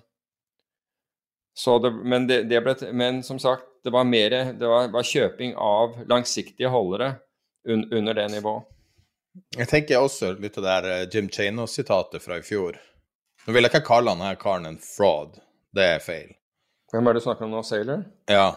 Eller andre? Ja. Han er en stor risikotaker. Men uh, Uh, Jim Chanos kalte jo det her 'the golden age of fraud', som er et fantastisk uh, uttrykk. Men det har det alltid vært når du har hatt liksom markedet på topp, og ja, ja. Når, når, kursene har steget, så har det jo Madoff-skandalen kom jo i kjølvannet av den. Det har jo vært skandaler i kjølvannet av alle, alle typer utviklinger du har hatt nå. Og nå er den jo bredere. Og det er jo igjen takket være sentralbanker som har kjørt det enda lenger opp. Så er det nok mye mer av det. Ja, altså tenk at det der eh, Det var jo en kryptoplattform i Sør-Afrika der de stakk av med 3 milliarder dollar. Okay. Og du har eh, daglige rapporter om ungdommer som blir lurt inn i en eller annen slags Ponzi-scheme-aktig greie via TikTok eller et eller annet. Eh, du har Nei, du har bare utrolig mye tvilsom oppførsel som blir akseptert. I Norge så kan reality-stjerner fake og tjene masse penger på trading for å da lure folk inn med sånne affiliate-koder på, eh, på, sånne store bitcoin-plattformer eller kryptoplattformer. Mm. Og eh, få legitimitet. Jeg tror han, han ene karen ble jo invitert inn på Petter Stordalen sin podkast for å snakke, en som sitter på TikTok, og, og man ser at, at, det han sier, ikke stemmer, og sitter og får tenåringer til å bli spekulanter. Jeg vet mm. ikke om det er greit, jeg syns ikke det er greit. Men, og jeg trodde jo at loven sa at det ikke var lov, men tydeligvis er det, er det helt fritt fram hva du kan gjøre nå. Um, jeg så for øvrig at en i Finanstilsynet kom med en presisering i Og det tror jeg var i forrige uke. Og det var jo egentlig en veldig bra presisering å få, for jeg var heller ikke klar over det. så Jeg tror du var inne på det. Det er at, er at når det gjelder disse norske uh, i anførselstegn norske børsene, så er ikke de godkjent som børser av Finanstilsynet. De er heller ikke overvåket eh, på noen måte av Finanstilsynet. De har en konsesjon til å gjøre et eller annet, om det er å håndtere penger eller et eller annet sånt. Men de er ikke, det er en stor forskjell eh, på det å være overvåket så, som, som, markedsplass. Og det, jeg, jeg syns jo det var en, om enn litt sen, men, men, i hvert fall en nyttig presisering fra Finanstilsynet. slik at for du tenker jo det der Å, er det norsk, så, så, så, tenker jeg i hvert fall at da blir ikke pengene mine borte, eller, eller noe, noe, slikt. Men Finanstilsynet fyller ikke den rollen, altså har ikke den rollen uh, når det gjelder disse, disse, børsene, så det bør man ja, det de skryter av, sånn som notere, NBX f.eks., de kaller seg registrert hos Finanstilsynet. Det er den ordlyden ja. de bruker. Og det minner ganske mye om sånn som, uh, sånne tvilsomme supplements, altså sånn uh, vitaminer og ditt og datt uh, som, som, ikke har dokumentert virkning i USA, som sier at man, man har registrert seg hos det tilsynet. Ja, mm. eller hva det som er tilsynet de har. Uh, og det er en sånn ordlyd for å høre Det høres ut som du er FDA approved, men det er to mm. vidt forskjellige ting. Og jeg tror ja, ja, Finanstilsynet er det samme. Men altså, Finanstilsynet bruk, det er jo en vanvittig cop-out å si det her er, de er ikke regulert av oss, derfor er det ikke vårt ansvar.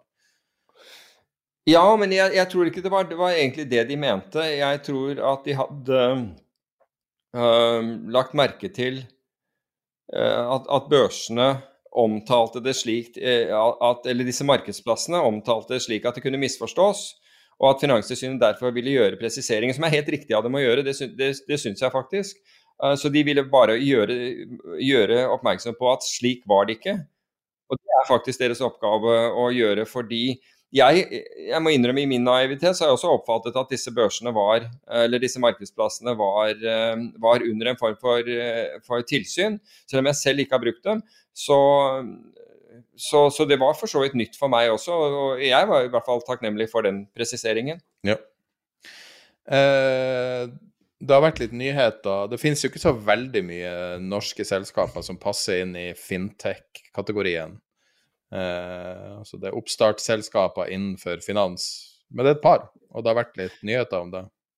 Ja, uh, Just. Uh, jeg har et indirekte eierskap der, og det er lite bare så det, det jeg har sagt. Men de, de, de, kom med noe informasjon i, i forrige uke, og det jeg synes den mest interessante For det Just gjør, det, altså, de fyller da dette rommet hvor Bedrifter betaler altfor mye for, for valutahandel. De betaler altfor stor margin, og de viser da hvor, eh, hvor f.eks. dollar norske kan handles, altså hvor markedet virkelig ligger.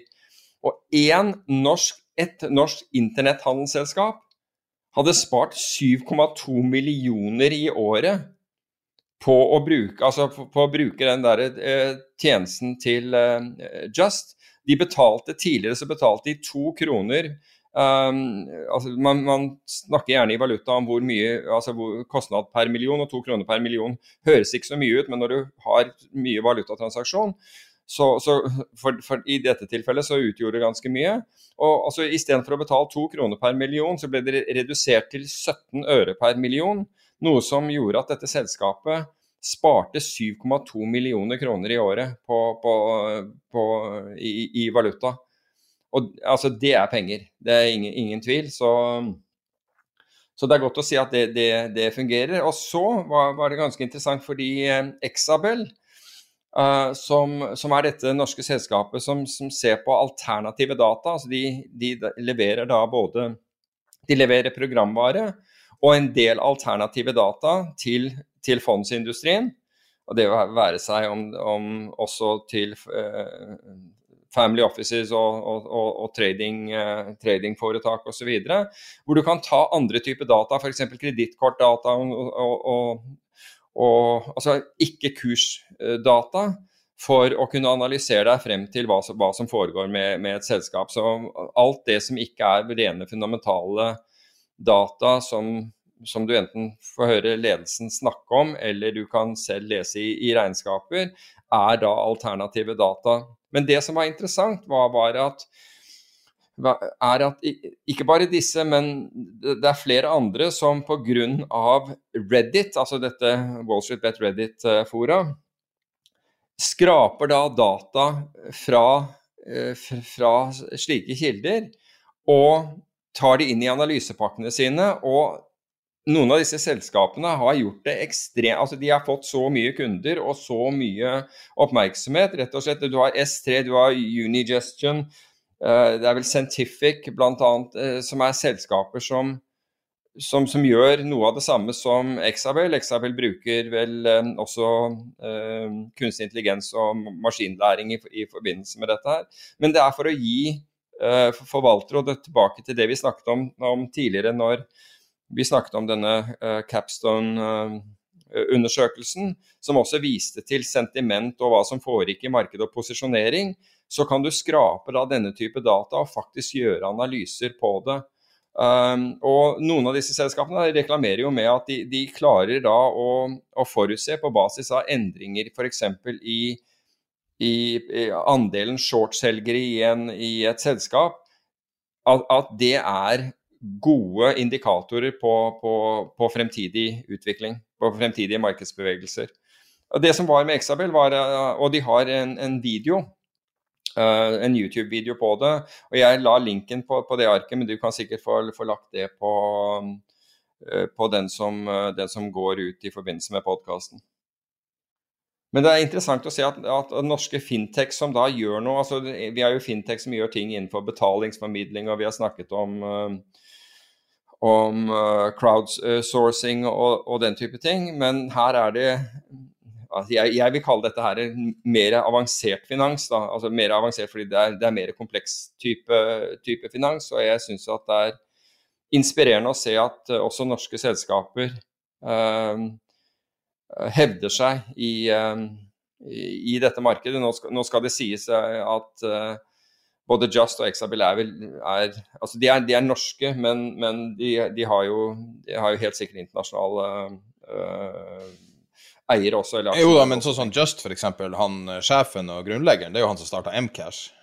Mm. Uh, kjenner litt Stemmer. han fra før av, og, og han er jo han er jo liksom, norsk mm. uh, supergründer, og så har du uh, Jeg sitter bare og ser på Exabel-folkene. Det er jo flere jeg kjenner igjen fra norske selskaper som, ja. som jeg uh, har hatt noe med å gjøre. Så, så det her er jo norsk på alle måter, liksom.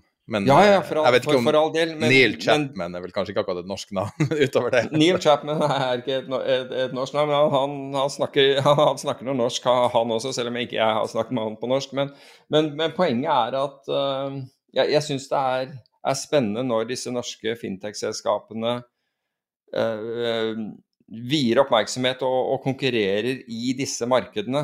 I de, uh, I de, mer avanserte markedene. Men jeg må jo synes at det er litt artig, for det her var jo altså det, det, er bra lenge siden jeg begynte å snakke om å, å mine data fra, fra Robin Hood og Reddit. Mm. i podkasten. Og nå er det liksom et kvantitativt Jeg driver på og ut, prøvde å gjøre det sjøl, men har jo aldri skrevet et, et uh, tegn i Python, så det gikk ikke så langt. Men, um, men, det er artig å se at det her er virkelig blitt et ferdig produkt. Ja, det er fascinerende. Altså det er, ja og Twitter-feeder og alt dette her bruker, er, jo, er, jo, mye brukt, så Men det er jo for at i gamle dager, altså ti år siden, så, så var det jo det store på en måte eh, det store, the, the white whale i det her markedet var jo å klare å bruke Twitter-data, bruke Firehosen til Twitter til noe ja. fornuftig. Og folk har jo prøvd og prøvd og prøvd, men så vidt jeg vet, så det er ingen som helt har fått det til.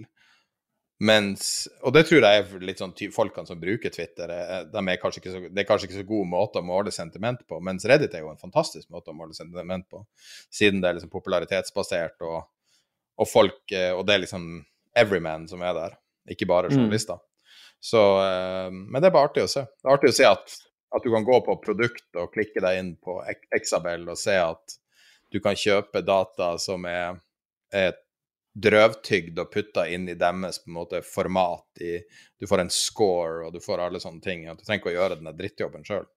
Nei, det, det, er akkurat det. Ikke, eh, altså det å, det å se på Reddit-feeden foran deg, det altså du kan jo forsøke å gjøre dette her manuelt, men enten så vil du Altså, det må jo behandles på en eller annen måte. Dataene må behandles, de må, må, renses og de må behandles. og de må og for at det skal være statistisk signifikant. Men dette er jo altså Norske forvaltere, flere norske uh, forvaltningsforetak uh, benytter seg av, uh, av dette.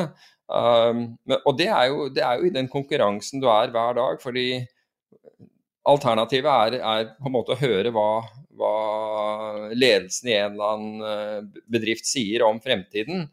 Og du vet jo ikke om det stemmer eller ikke, eller om det er et optimistisk syn eller pessimistisk for den saks skyld, men her får du sjansen til å få verifisert eh, det og andre ting, da. Og f.eks. disse Reddit-ting. Og hvis, du, hvis Reddit er en så ledende led, et så, så ledende forum som man får inntrykk og det, har i hvert fall vært det i, i en periode, og er det, er det nå. Så, så, kan det jo være altså innen, Hvis du skulle bygget noe sånt noe selv, innen du klarer å bygge noe sånt og anvende det selv og gjøre all den statistiske bearbeidelsen av dette her, så er antageligvis det, da har antageligvis fokus flyttet seg der ute. Så det å ha software, altså det, det som har programvaren som kan gjøre dette for deg, ja, ja, du vet at det er, det er obvious verdi der. Jeg husker jeg var på en sånn konferanse i San Diego. Da var det en som viste meg en, en plattform han hadde bygd som, der du kunne punche inn en eller annen event. Q4, et eller annet sånt. Um, for eksempel uh, utbyttebetaling i Apple, et, et, eller annet sånt. Og så tok den kursen du hadde nå, og så lagde han et syntetisk chart basert på all historisk data av hvordan aksjen typisk oppfører seg etter eventen. Mm -hmm. Det likte jeg. Det var utrolig appellerende. Og jeg er ikke helt, for Det var, var en one man show, da, og det er jo litt det de beskriver her. Men jeg ser jo på en måte de gjør det, de gjør det på en annen måte, da. Men det syns jeg var en utrolig appellerende fintech-idé. Selv om at du kan, jo- kan jo ikke gjøre det. Du kan ikke lage et chart som faktisk tracker det. Men jeg vedder på at hvis du på en måte putter nok folk bak en sånn idé og nok data, så begynner du å komme betydelig nær sannheten med noen store feil. Altså, det, må, det her er også en verden som forandrer seg hele tida. Altså det er jo Jo, men du måler jo denne sensitiviteten. Det er ikke som om du, har, om du sier at om du har en påstand, ikke sant? Altså Den påstanden du har, det, det er jo bare en hypotese som ikke er testet. Det du får med disse, med, med disse dataene, det er at du kan da få en datastrøm med, som tilsvarer den påstanden din. Og du kan da gå og teste den statistisk, også gjennom ø, ø, kunstig intelligens, for å se om den har merit. Er det noe i dette her, eller er, eller er det ikke? Og det er jo like greit å få ting falsifisert, slik at altså, med andre ord Nei, dette virker ikke fint, da vet jeg det. Men ut ifra det så kan jeg enten komme opp med nye ideer, eller jeg kan ha andre ideer, og så plutselig så ser du et eller annet at denne her virker, og den virker på den måten. Så, så det er en Altså, jeg tror Altså, dette er jo egentlig det noen av de, de største og mest suksessrike hedgefondene har drevet med nå i noen tiår, og som de aldri viser deg, og, og som de heller ikke deler med deg av naturlige grunner, fordi det er deres edge. da. Og nå har noen gjort dette her mulig for, for andre å, å, å, å enten leie eller kjøpe denne type programvare, og finner da eh, også feeder til deg, ikke sant, disse dataene til deg, hvor du kan få tak i disse dataene hvis de ikke selv allerede har dem. Så vil de vite hvor en rekke av disse dataene er å få kjøpt. Og, og de får penger. Det var, de har hatt fire finansier... Exabel i hvert fall har hatt fire runder. Mm. Uh, så de, jeg tror siste runden var vel noen titalls millioner de henta inn, så eh, Ja, de har fått st Ja, eh, noe store eiere inn. eh, store eiere inn på Eller store eier inn, i hvert fall. Ja, det var sist det var ni millioner dollar Nei, nå i mars. Eh, Akkurat. så det her er jo et selskap som det, det er ingen øvre grense for, eh, for hvor mye noe sånt kan være verdt. Hvis du klarer å få edgen og produktifisere det riktig, liksom. Du må gjøre det, men, men du kan si at dette er jo ikke et statisk marked. Du må jo hele tiden pushe, eh, pushe grenser der, og du må jo ha flinke folk som, som hele tiden utvikler. Fordi i det øyeblikket du stopper opp, så, så, så, så fortsetter jo verden. Husker du den dokumentaren som heter Floored, som kom ut i 2009, tror jeg?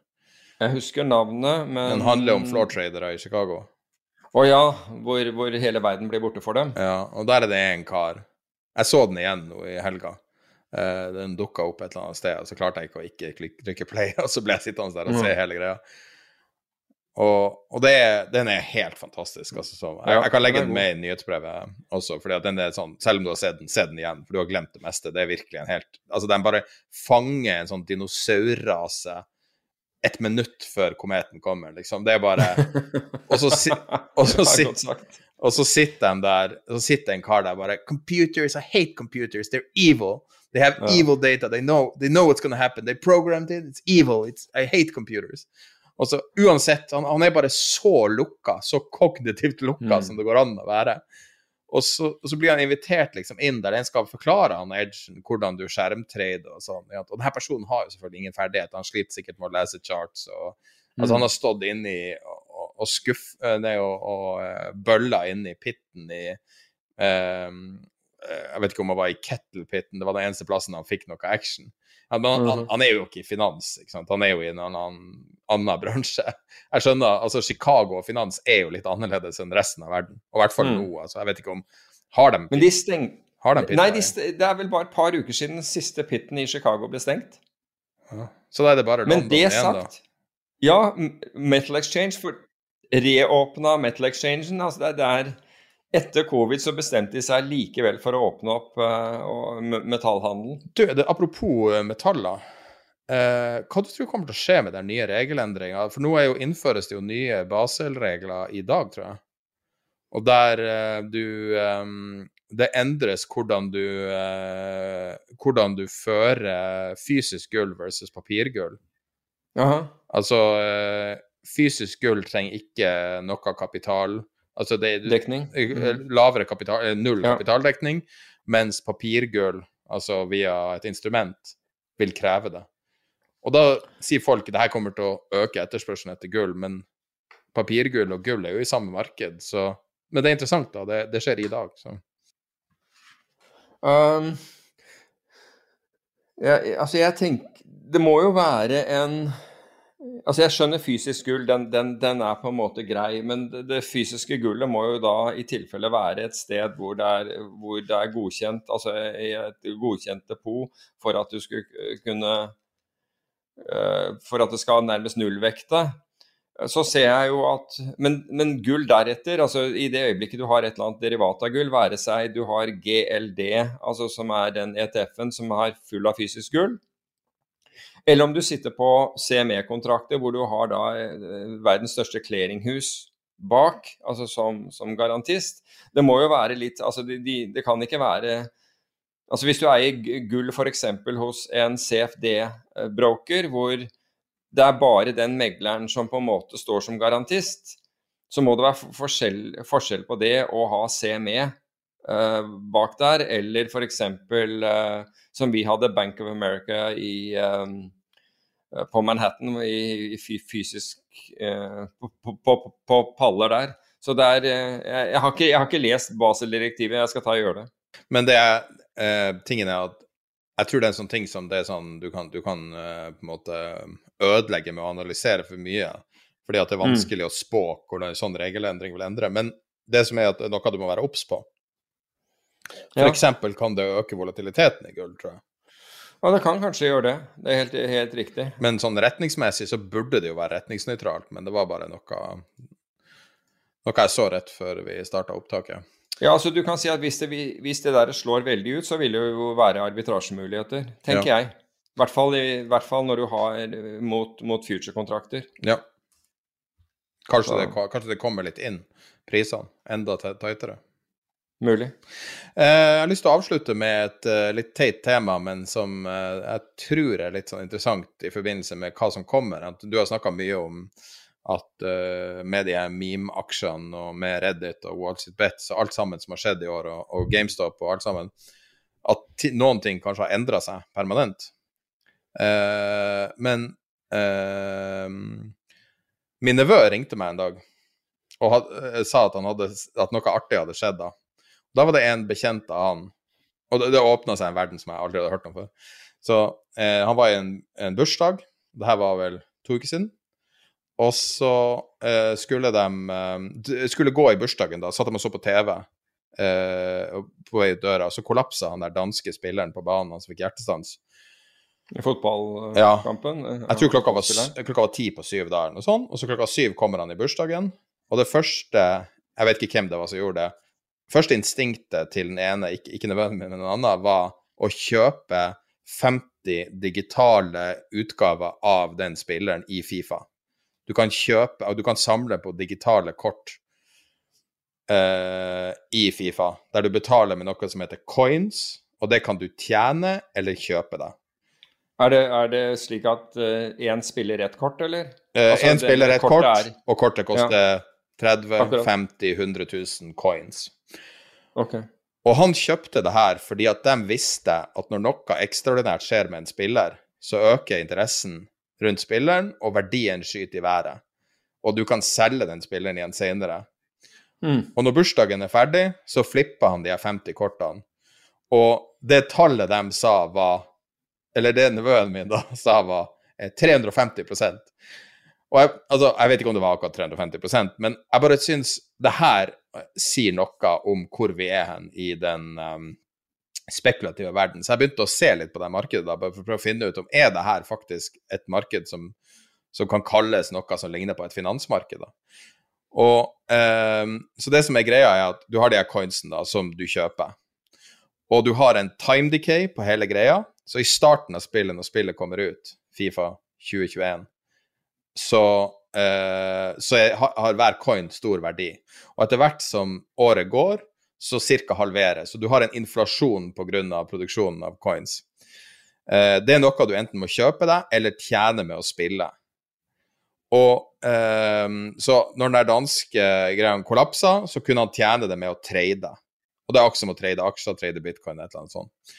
Eh, og én million coins er verdt eh, i eh, pre-inflasjon vært ca. 1000 kroner. Og det kan du tjene deg opp på en ettermiddag, en kveld, med å gjøre det her. Eller du kan trade deg opp ganske raskt hvis du gjør det riktig. Og så eh, eh, Og så eh, er det da hvordan gjør du det her om til penger? Og da har du to valg. Det ene er at du går til en venn av deg som trenger coins av en eller annen grunn, og, eh, og kjøper det av deg. Eller så eh, går du på et nettsted eh, og, og inntar en transaksjon der du skal selge så og så mange coins. Eh, og så har du eh, Så går du da til det her nettstedet som sier at du skal selge f.eks. 1 million coins. Ok, Hvordan gjør du det, da? Så det du gjør da, er at du går inn og får opp spillere som ligger til salgs på plattformen, som er overprisa. Eh, og så går du gradvis da og selger over én og én for Og du tjener ca.